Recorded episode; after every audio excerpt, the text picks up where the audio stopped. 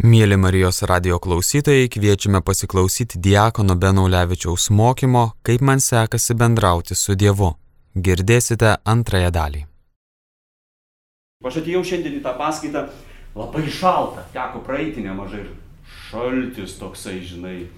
Ir jis gana staigiai čia atėjo dabar į Lietuvą, trūksta aklimatizacijos. Yra toks procesas aklimatizacija. Ir kas yra aklimatizacija? Tu prisiderini, tau tampa tas dalykas savas ir netgi gydantis. Tai žinai, sakai, o kaip gerai, pasilgau to šaltuko ir einu pasportuoti ten. Tai tampa tau savų dalykų. Žmonės yra, kurie ir į eketę lenda ir nemiršta. Du žmonės įlenda į eketę, vienas miršta, kitas ne. Nuo ko priklauso? Nuo pasiruošimo. Grūdintis. O kas yra grūdinimasis iš esmės? Tai yra mažomis dozėmis iš anksto tą eketę pratint prie savęs ir save prie tos eketės.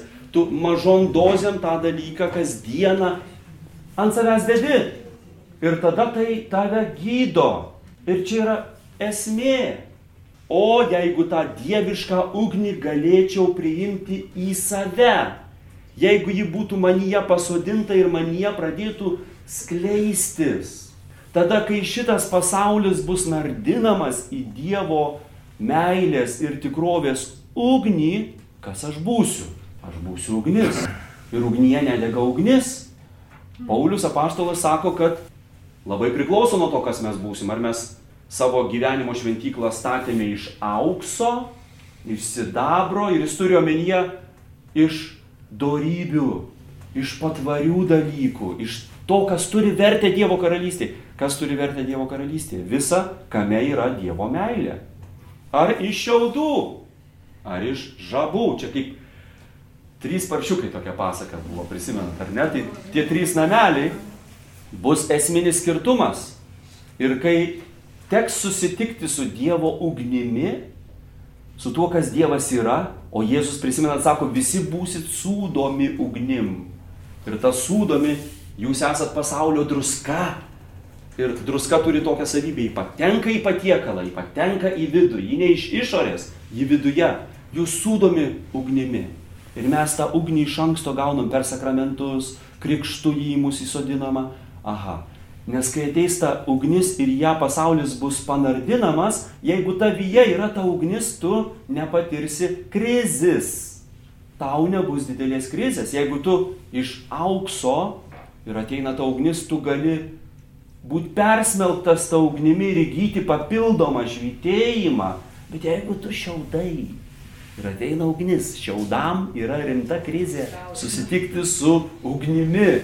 Ne todėl, kad ugnis nekenčia šiaudų, ne todėl, kad ugnis pyksta ant šiaudų, todėl, kad šiaudai iš esmės negali pakelt to, kas yra judru, šviesu, karšta, gyva, Šiandien dar turėsiu vieną susitikimą su jaunimu, kuris pradėjo stovyklą vakar.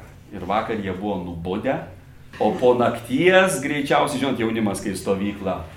Tai prie didžiausių, geriausių pastangų turbūt pamatysiu ne vienas akis tokias. Kalbėtojai tai būna toks beviltiškas potyris, kai žvelgia kam nors į akis ir tos akis žiūri ir pradeda blaustis. Ir tu nieko negali padaryti. Bet kadangi kalbėtojai taip pat yra žmonės ir jiem nutinka lygiai tas pats, tai jie yra su atjauta. Bet ačiū Jums už kantrybę. Tai ką Adventas nori mums pasakyti ir parodyti? Štai kam mes ruošiamės. Visatos pabaigoje Dievas įeis į visus dalykus, pripildys viską visais požiūriais sako pirmas laiškas korintiečiam 15 skyriui. Ir tada Paulius kalba apie kūnų prisikėlimą. Dievo ugnis įeis į visus dalykus. Ir kaip laiškas žydams sako, ta ugnis kaip nesudrebinamas, nepraeinantis, amžinas gyvybės atominis užtaisas, kai ji įeis į šitą kūrinyje, išliks tik tie dalykai, kurie gali būti amžini, nesudrebinami, nepraeinantys o visa, kas sudrebinama, praeinama ir silpna, kris kaip pelenai. Net laikys. Ir kaip gerai, kad iškart mes skaitome, apaštalas Petras sako, bet jūsgi nesate pagimdyti vien iš pranykstančios sėklos, bet iš nenykstančios, nepraeinančios Dievo žodžio sėklos, gyvų Dievo žodžių. Kas gimė iš nepranykstančios sėklos yra nepranykstantis. Prisimenat, Jėzus su Nikodemu kalbėdamas sakė, kūnas ir kraujas nepaveldės Dievo karalystės. Paulius apaštalas tą sako. Kas gimė iš kūno yra kūnas. Ir nėra būt blogai būtų gimusių iš kūno. Tai natūralu, bet turėtume dar gimti iš dvasios. Jumise turėtų atsirasti sėkla, grūdas to dalyko, kuris ateina. Būsimoji kūrinyje iš anksto. Pasėta žmoguje. Žmogų daro pasirengusi. Ha, tai eketė, ar ne, kaip sakėm. Ir advento metu, kai mūsų dėmesį atkreipia į šitą tikrovę, tada mes pereinam prie ko? Štai ką mes turime dabar. Štai kodėl Dievas tampa žmogumi. Štai kodėl jis ateina labai švelniu pavydalu, palyginti labai švelniu pavydalu. Jėzus vaikšto Jeruzalės gatvėmis, iš jo eina jėga, kuri parbloškia demonus, gydo ligonius, bet palyginti su būsima kūrinyje, tai yra labai sušvelnintas tas būsimos ugnies vaikščiojimas gatvėmis. Ir tu galėjai ją paliesti, tu gali ją susitikti, tu gali ją išgirsti, tu gali ją pamatyti. Trečias dalykas, apie kurį kalba bažnyčia kaip adventą parusyje, yra Euharistija. Krikščionys nuo pat pirmų laikų vadino Euharistiją adventus, nes tai yra Dievo ateimas. Ir kasgi tai yra? Tai yra ta ugnis iš ateities, iš anksto mums patiekiama valgykit. Paimkit tai į save. Tegul vyksta tikras kraujo perpilimas, ugnies prigimtis. Dievo ugnies, Dievo meilės maža dozė iš anksto. Ir ji nėra maža, bet ji yra sušvelnintų pavydalu, kad tu galėtum ją pakelt. Kristaus kūnas. Amen. Ir tai atsiduria tavyje. Kristaus kūnas. Amen. Tai atsiduria tavyje. Kai apaštalas Paulius kalba apie tuos dalykus. Jis apie Eucharistiją ir kalba kaip apie ugnį, kaip apie kažką, su kuo reikėtų elgtis atsargiau. Pirmas korintiečiam laiškas, labai eucharistinis laiškas, kai jį visą matai dideliu žvilgsniu. Pradžioje Paulius bara krikščionis, nu bara mus maždaug. Sako, jumise jau gyvena Dievo dvasia, jūs jau Dievo vaikai. Ir kaip jūs vis dar esat tokie kūniški. Kitaip tariant, jis nepyksta, kad jie vis dar turi kūną, tai natūralu, bet žmogus, kuriame gyvena Dievo dvasia, kuris visai nekreipia dėmesio į tą dvasę. Ir toliau elgesi vien sekdamas savo kūno chemiją, kūno impulsus - pyktį, pavydą, godumą, įtarumą, teisimą. Kaip jūs tokie? Pabaigoje laiško Paulius kalba apie būsimą kūrinyje ugnis iš dangaus, ateina pripildo šitą kūrinyje. Mhm.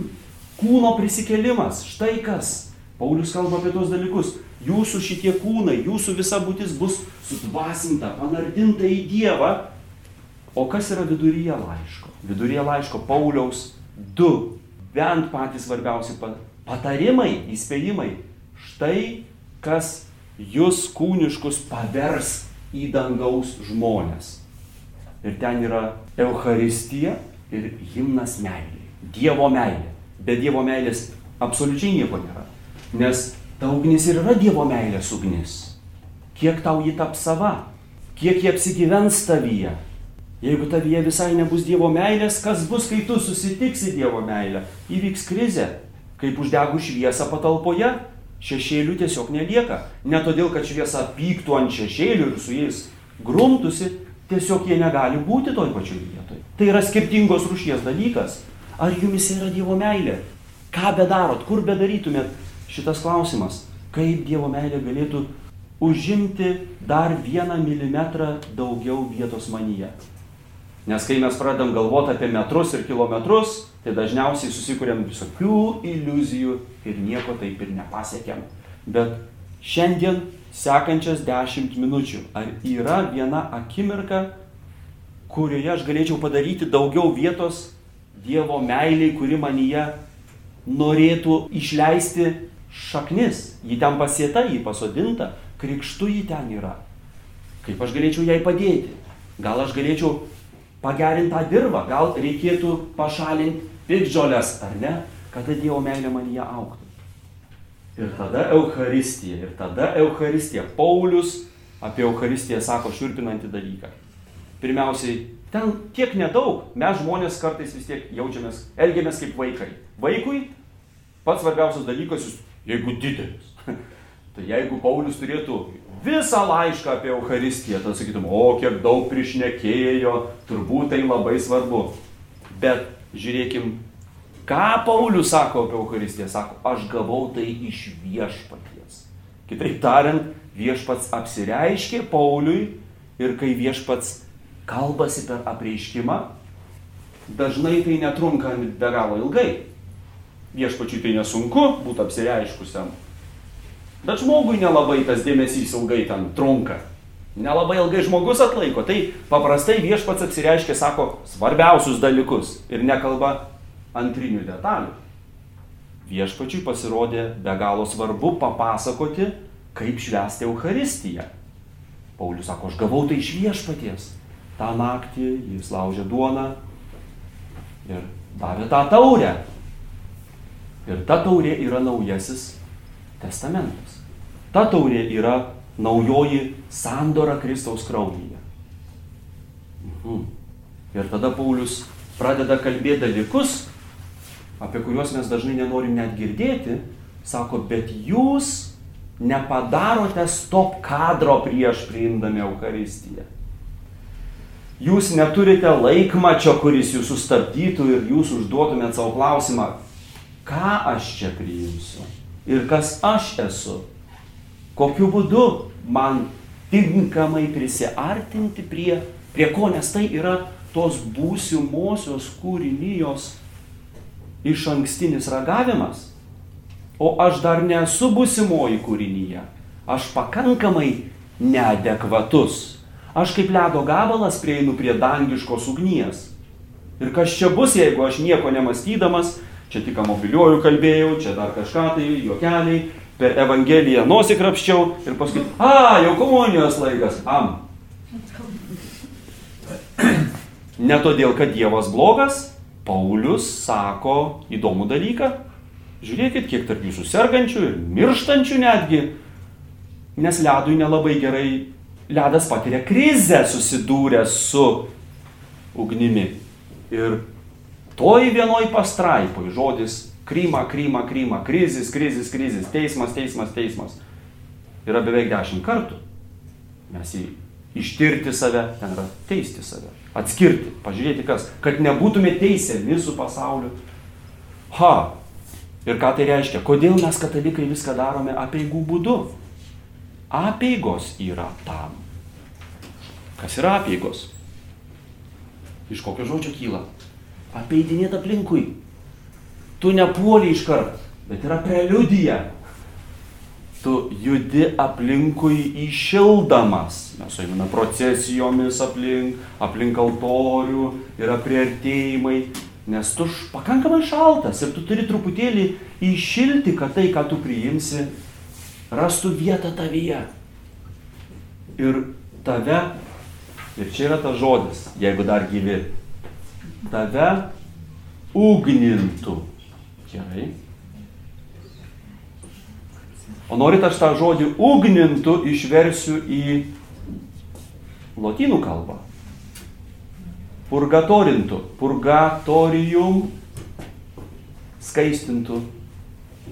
Mes turim katalikai aišku supratimą, kad tu negali nenuskaistintas susitikti su gyvuoju Dievu, nes Dievas yra skaistus.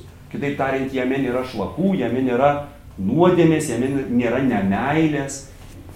Ir jeigu tavyje yra tokie dalykai, kurie nedėra su tuo, kaip konfliktai kažkokie, jie turi pasitraukti. Taigi mes tikim, kad susitikimas su Dievu skaistina. Skaistyklą patiriantys žmonės yra laimingi, todėl kad jie jau išgelbėti. Bet kai tu jau išgelbėtas, artėjimas prie Dievo tirpdo tavyje tamsą. Skaistina, bet lotynų kalboje tai purgatorium, o tas pur yra ugnis, ugnina. Iš anksto ta ugnis skleidžiasi tavyje ir išvaro lauk visus nedangiškus dalykus. Kartais mes jaučiamės, tai kaip čia bus su mano asmenybė, gal ir veidą mano ištrins, būsiu tokia šventumo programėlė, na toksai maždaug tobula šventas, o tai juk mano asmenybė sudaro ir kažkokie netobulumai, ir kažkokie ten, va kažkas tokio. Ne, ne taip. Man jie labai daug kaukių.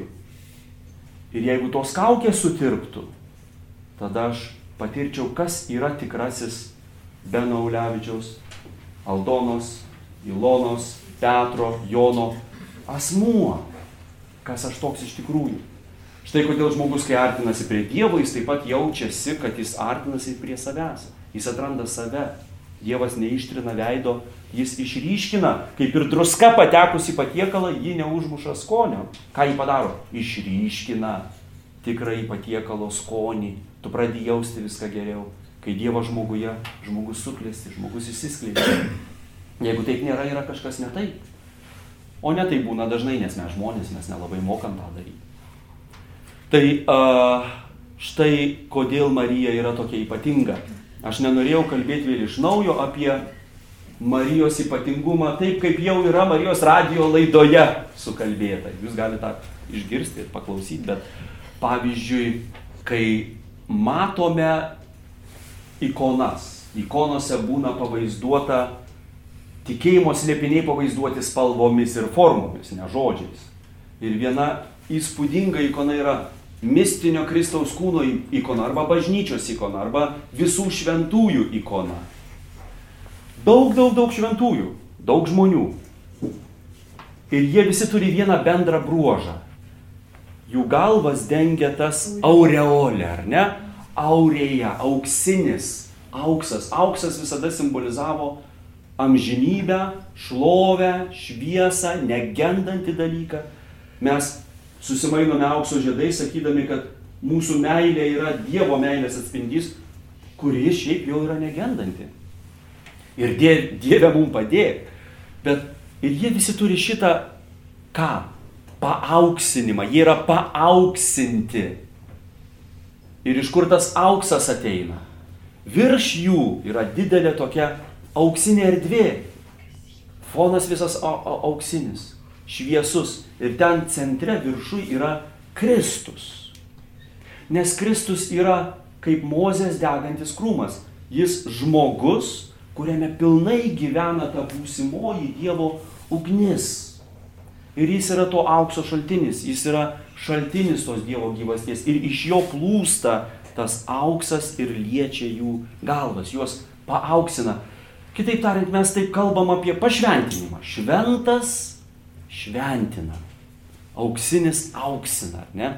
Šviesus šviesina. Tiesa tiesina. Gyvas gaivinais. Visą tai į mus perkelia. Šlovingas pašlovina, laimingas palaimina. Tikras, jis vienintelis tikras, patikrina. Mums kartais taip nepatinka, kai jaučiamės tikrinami gyvenime. O kas mus tikrina? Stimulai visokie, išmėginimai, nelaimės, netikėtumai, kur mes negalim savęs suvaldyti, sako, aš žinai praradau, kažkaip su, nesusivaldžiau. Šiaip tai aš geras žmogus, bet nesusivaldžiau. Net tu geras žmogus Dievo akise, bet kai nesusivaldėjai, irgi pasirodė, kas tu esi. Čia nėra kaukė, nesusivaldymas ir pamatai nemažai dalykų savyje, kai nesusivaldai. Tikras jis patikrina, nes po tų patikrinimų tampi tikresnis žmogus. Popiežius Pranciškus, rašydamas šeimoms, Amoris Leticija, savo po sinodinėme dokumente labai įdomiai kalba apie krizės. Aš skaičiau, skaičiau, skaičiau, galvoju, kažkas čia tokio įdomaus, kaž, kažko neužčiopiu, kas čia, kuo tas dokumentas, nu, taip kaž, kažkoks labai nuotaikingas, rimtas, bet labai toksai. Nes paskui galvoju, palauk, kaip jis kalba apie krizę. Paprastai mes sakom krizę, reikia krizės valdymą daryti, čia reikia psichoterapeuto, psich, psichologo, kartais ir psichiatro jau prireikia pagalbos, čia visa tamsa sugriuva ir, ir, ir, ir kaip kažkokį baisų dalyką. Taip, krizė yra sunkiausia, kas gali mums nutikti. Bet krizė, tik tais krizė duoda šansą tapti tikresniu. Nes jei nėra krizės, tu tiesiog tūnai. Ir šeimoje, jeigu nutiktų krizė, tai būtų gerai, jeigu sutoktiniai taip ir elgtųsi. Pavyzdžiui, žmonelė, pagaliau atėjo krizė. Tai nuostabu, dabar tai šventė, reikia atšvesti krizės metinės paskui, ar ne? Tai dabargi kaukių neliks, kaip gerai, kaip sunku šiaip be krizės suprasti, kas tu esi, kur mes esam. Tai dabar tu tikrai pažinsi mane geriau. Aš pažinsiu tave geriau. Aš save pažinsiu geriau, tu save pažinsi geriau. Ir mes gal žengsim rimtą žingsnį į tikrumą, į tikrą meilę. Kai mes tuokėmės, mes tuokėmės ne iš meilės. Mes tuokėmės, nes mes trokštam meilės. Ir mes todėl pasijungiam į Dievo meilę ir sakom, Dieve gelbėk, Dieve padėk. Mes tikimės, mes turim viltį, kad ilgainiui mūsų meilė stiprės, o jeigu jis stiprėja, jau nesilpnėja, tai meilė yra santokos pabaigoje, tu ten atrandi tą meilę. Kaip 50 metų, kaip 30 labiau, kaip 50 dar labiau. Čia yra visas sumanimas. Ir ta krizė duoda šansą. Mm, nuostabus dalykas tuo metu. Ir uh, tai ta bažnyčios ikona, ten Kristus tikras tikrina, Jis visa, kas jis yra, jis, jis daro tai mumise. Jis aukštybės aukština. Dievas nori išaukštinti žmogų, ar ne? Jis Dievas dievina. Bažnyčia sako aiškiai, kad jis siekia apgyvendinti savo dvasę mumise ir tai, kas jis yra perkelti į mus. Ir mes tampame labiau kristiški. Mes jo broliai, mes jo sesės. Iš tikrųjų. Bet toj visoj ikonui centre yra mergelė Marija. Ir jis stovi skleidusi rankas, tai yra vadinamas ženklo ikonos fragmentas, joje yra Dievas tapęs žmogumi ir jis yra tokioje amžinybės sferoje, apskritime tokia, amžinybės simbolis. Bažnyčios tėvam, krikščionim per šimtmečius buvo šiurpus klausimas, kaip yra įmanoma, kad ta šlovė, kuri Senajame testamente negalėjai ją nei pažvelgti ir likti gyvas, vyriausias kunigas eidavo kartą per metus į šventų švenčiausiąją vietą, ten neužsibūdavo, kad tauta nepradėtų nerimauti, ten, kur buvo Dievo šlovės debesis, ir jis eidamas turėjo virvę prie kojos, nes jeigu jis ten, o ką gali žinoti, jeigu jis neapsivalė, jeigu jis neišpažino nuodėmių, kai jis negyvas, jį išvilks iš tos Kas tenai užeis jį ištraukti? Niekas nenori, visi bijo, ten yra pats geriausias dalykas, o mes ne visai geri. Mm. Tai jį ištraukdavo ir staiga šitas dalykas, kaip mozės krūme, joje yra pilnai. Susieta su jie ne šiaip trumpam. Mozė pažvelgė į veidą Dievo trumpai, nusileido jo veidą švyti, niekas negali į mozės veidą pažiūrėti. Prisimenate šitą pasakojimą? Ir jis goptuvą užsideda, eidamas pas Dievą goptuvą nusimdavo Bet turbūt Dievas tada užsidėdavo ir tada gaudamas adekvatu, ar ne? Bet kitiem, kas neturėjo viskas, Mozė turi būti su goptuvu, nes nelabai pakeliamas dalykas. Ir staiga čia ne tai, kad trumpam pasižiūrėti. Moteris, kuri palėtė drabužio kraštą Jėzaus tikėjimu, ji pasveiko. Ir demonai išeidavo. O čia ne drabužio kraštą liesti, čia liesti tą, iš kurio eina gale, tą, kuris yra Dievo šlovės pilnatvė, liesti virkštelę devynis mėnesius. Lastelienos cirkuliacija. Čia baisiai sudėtinga suvokti dydį šito slėpinio, šiurpumą šito slėpinio ir grožį, gražų šiurpumą. Kažkas, kai mes matom ir mums šiurpsta oda, nuo to, kaip tai ypatinga. Bažnyčios tėvai sakydavo, kaip įmanoma, kad tas, kuris laiko visą visatą, juk Jėzus Kristus, jis amžinybė yra tėvo sūnus ir būtent juo laikosi šitą visatą, jis tartum visatos rėmas. Ir staiga mergelės iščios tampa didesnės už dangų. Ir ji nesudega. Mergelės Marijos ikonose labai daug yra asocijuojamų scenų aplinkui. Pavyzdžiui, degančio krūmo ikona netgi yra. Mergelė Marija su kūdikiu, su Jėzumi. Ji yra tokia mėlynam stačiakampyje, rombe. Keturi skaičius reiškia pasaulį. Mėlyna spalva reiškia kūrinyje. Pavyzdžiui, Jėzus raudonai apsivilkęs ir ant viršaus mėlyna tunika. Raudona dievystės spalva. Jis Dievas apsivilkęs žmogumi. Bet Marija yra visada mėlynų drabužių ir apvilkta raudonu. Ji žmogus, kuri tapo sudėvinta. Nes joje apsigyveno ta ugnis iš dangaus ir mergelė Marija centre, o keturiuose kampuose Taigi per vidurį tas mėlynas rombas, jis persipinė su raudonu rombu. Ir jau turim aštuonetą. Ir tai yra mislinga skaičių simbolika. Aštuoni begalybė, teisingai. Septynios dienos yra mūsų pasaulio laikas. Aštuntoji diena yra amžinybės laikas, ne mūsų laiko dalis. Mhm. Bet tas amžinybės laikas įeina į mūsų pasaulį. Ir keturiose kampuose yra keturios scenos, kur mes matom panašų dalyką. Tartum pranašystę apie šitą mergelę. Vieno, vienam kampe matome Mozę, suklupusi priešais degantį krūmą, nes ta mergelė yra kaip krūmas, kuris nesudega, kai joje apsigyvena dangiška ugnis. Kitame kampe matom Izaiją ir Kerubą su žnyplėmis atnešanti ugninę žaryją nuo Dievo altoriaus. Sename testamente, kai rašoma apie Dievo sostą, truputėlį pabandai įsivaizduoti, ką reikštų pamatyti tokį dalyką. Ten ugnies upė teka. Ir jo veidas kaip saulė, jo veidas kaip šviesa.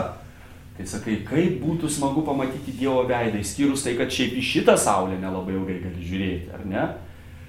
Ir yra tam tikri angelai, kurie yra būtent Dievo sosto artumoje, nes jie yra serafim, ugniniai, liepsningieji, jie tos rušies, jie gali pakelti tą ugnį. Ta ugnis jiem nėra krizė, jie nepatiria krizės, jie nepatiria teismo tos ugnies. Ir tas vienas iš tų ugninių, jis prisertina prie Izaijo, o Izaijas sako, ne, ne, mano lūpos netyros, aš Dievo žodžio negaliu kalbėti. Ir jis paliečia Izaijo lūpas ir tos lūpos, kurios negali pakelt Dievo žodžio, jos tampa patvarios, Dievo žodis juose apsigyvena. Kaip Dievo amžinasis žodis apsigyveno toj mergelį. Dar trečiam kampe matome Ezechielio šventyklą ir Dievo šlovė įžengė į ją. Ką tai sako apie Mariją? Marija yra naujoji Dievo šventykla. Ir dar paskutinėme matome Jokūbo sapną ir angelai leidžiasi ir kyla aukštyn ir žemyn nes tarp dangaus ir žemės atsivėręs dangus čia yra, čia yra praplyšęs dangus, cirkuliacija vyksta ir toj Marijoje ją gali kontempliuoti štai kas nutinka su žmogumi, kuriame pilnai apsigyvena Dievas. Tai jeigu moteris buvo išgydyta liesdama drabužio kraštą per akimirką, šita mergelė, jei joje buvo nuodėmė, Išgirdus angelo pasveikinimą, ji turėjo išsilydyti, ji turėjo išsiskaidyti atomais, ji būtų niekaip nepakėlus to šlovės apsigyvenimo. Todėl mes sakome, kažkas čia turi būti kitaip. Joje negali būti nuodėmės. Nes nuodėmė konfliktuoja su Dievo šlove. Ir matėm, kas nutinka žmonėm, kuriuose yra nuodėmė, kai jie paliečia Dievo šlovę. Jiem nesibaigia gerai. Bet čia yra naujosios kūrinijos pradžia ji apvaloma nuo nuodėmės. Kristus gelbėja ją. Bet joje jis apsigyvena tartum naujoje, naujojoje sandoros skrynioje. Štai kodėl abipus Marijos ikonose būna du angelai, du kerubai. Nes Senajame testamente du kerubai buvo abipus sandoros skrynios ir Dievas vadinamas tas, kuris gyvena tarp kerubų. Nes žydam virš sandoros skrynios buvo Dievo šlovės ugnis bet Dievas apsigyvena joje, ką tai sako apie ją? Ji yra naujoji sandoros skrinė. Abipus jos yra tie angelai. Ir tada mes žvelgiam į tą ikoną viršuje Kristus, visi šventieji paauksinti, o centre ji po jos kojom serafim, serafas, liepsningasis, rodo kokios jį rūšies, jei Dievo ugnis yra sava. Ir mums tada klausimas, tai gerai tada, o ką man dabar? Ką tai reiškia man? Mes visada esam tokie galvojantis apie save. O man tai reiškia gal visai įdomu, kodėl Marija turėjo gimdyti Betliejuje. Nes Betlehem reiškia duonos namai, o joje yra kas? Sandoros skrynioje, senojoje sandoros skrynioje buvo mana iš dangaus aukso puodė. Tenai, saugoma. Joje yra tikrasis iš dangaus nužengęs maistas. Duona iš dangaus. Ji gimdo duonos namuose, rodydama, kad jis gimsta ne savo, jis gimsta dėl mūsų. Jį paguldo į ėdžias. Nežinau, šiais laikais turbūt būtų gimsta vaikelis ir mama grįžusi guldo jį į duoninę, pavyzdžiui, ar ne? Sako, pati geriausia vieta vaikeliui - duoninė. Kodėl Marija guldo Jėzų į duoninę? Į ėdžias, duonos namuose, nes jis yra maistas. Jis ateina, kad būtų valgomas. Kuria prasme? Jis tikrai žino, kad viso Dievo plano esmė yra Tai, kas yra Marija. Tai, kas yra tas Jėzaus auksas, ta šlovė. Kad atsidurtų jumise. Ir manyje. Taip kaip aš esu tėvė. Taip mes apsigyvensime jumise. Ir kai kalba apie Eucharistiją, Jėzus sako Jono Evangelijos šeštam skyriui, ir kaip aš esu gyvas ne vien savo gyvybės ištekliais, bet aš gyvas tėvo gyvybė, ne vien savo žmogišką gyvastimi. Man jie yra tėvas, aš tėvų gyvas. Čia jis galėtų staptelėti ir paklausti, o kuo jūs gyvi? Kuo aš gyvas? Benas. Aš tai puikiai žinau, kad aš iš savęs esu labai negyvas. Aš savyje neturiu jokio šanso prikelt save iš numirusių. Sėkmės prikeliant save iš numirusių. Nelabai. Ir Jėzus sako, aš turiu pasiūlymą, ar nori būti gyvas manimi? Mm tavimi, kuris esi gyvas tėvu, ar būtų galima? Ir Jėzus sako, tuo met, kas valgo mano kūną ir geria mano kraują, turi amžiną gyvenimą.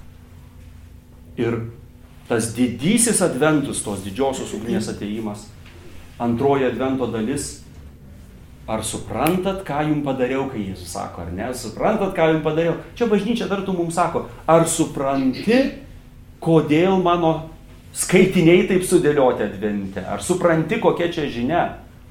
Ta didžioji būsimoji Dievo ugnis iš anksto yra Kristuje Jėzuje ir jo duonoje, jo kūne, jo, jo kraujyje. Ir tada, tada tu turi šansą gyventi amžinai.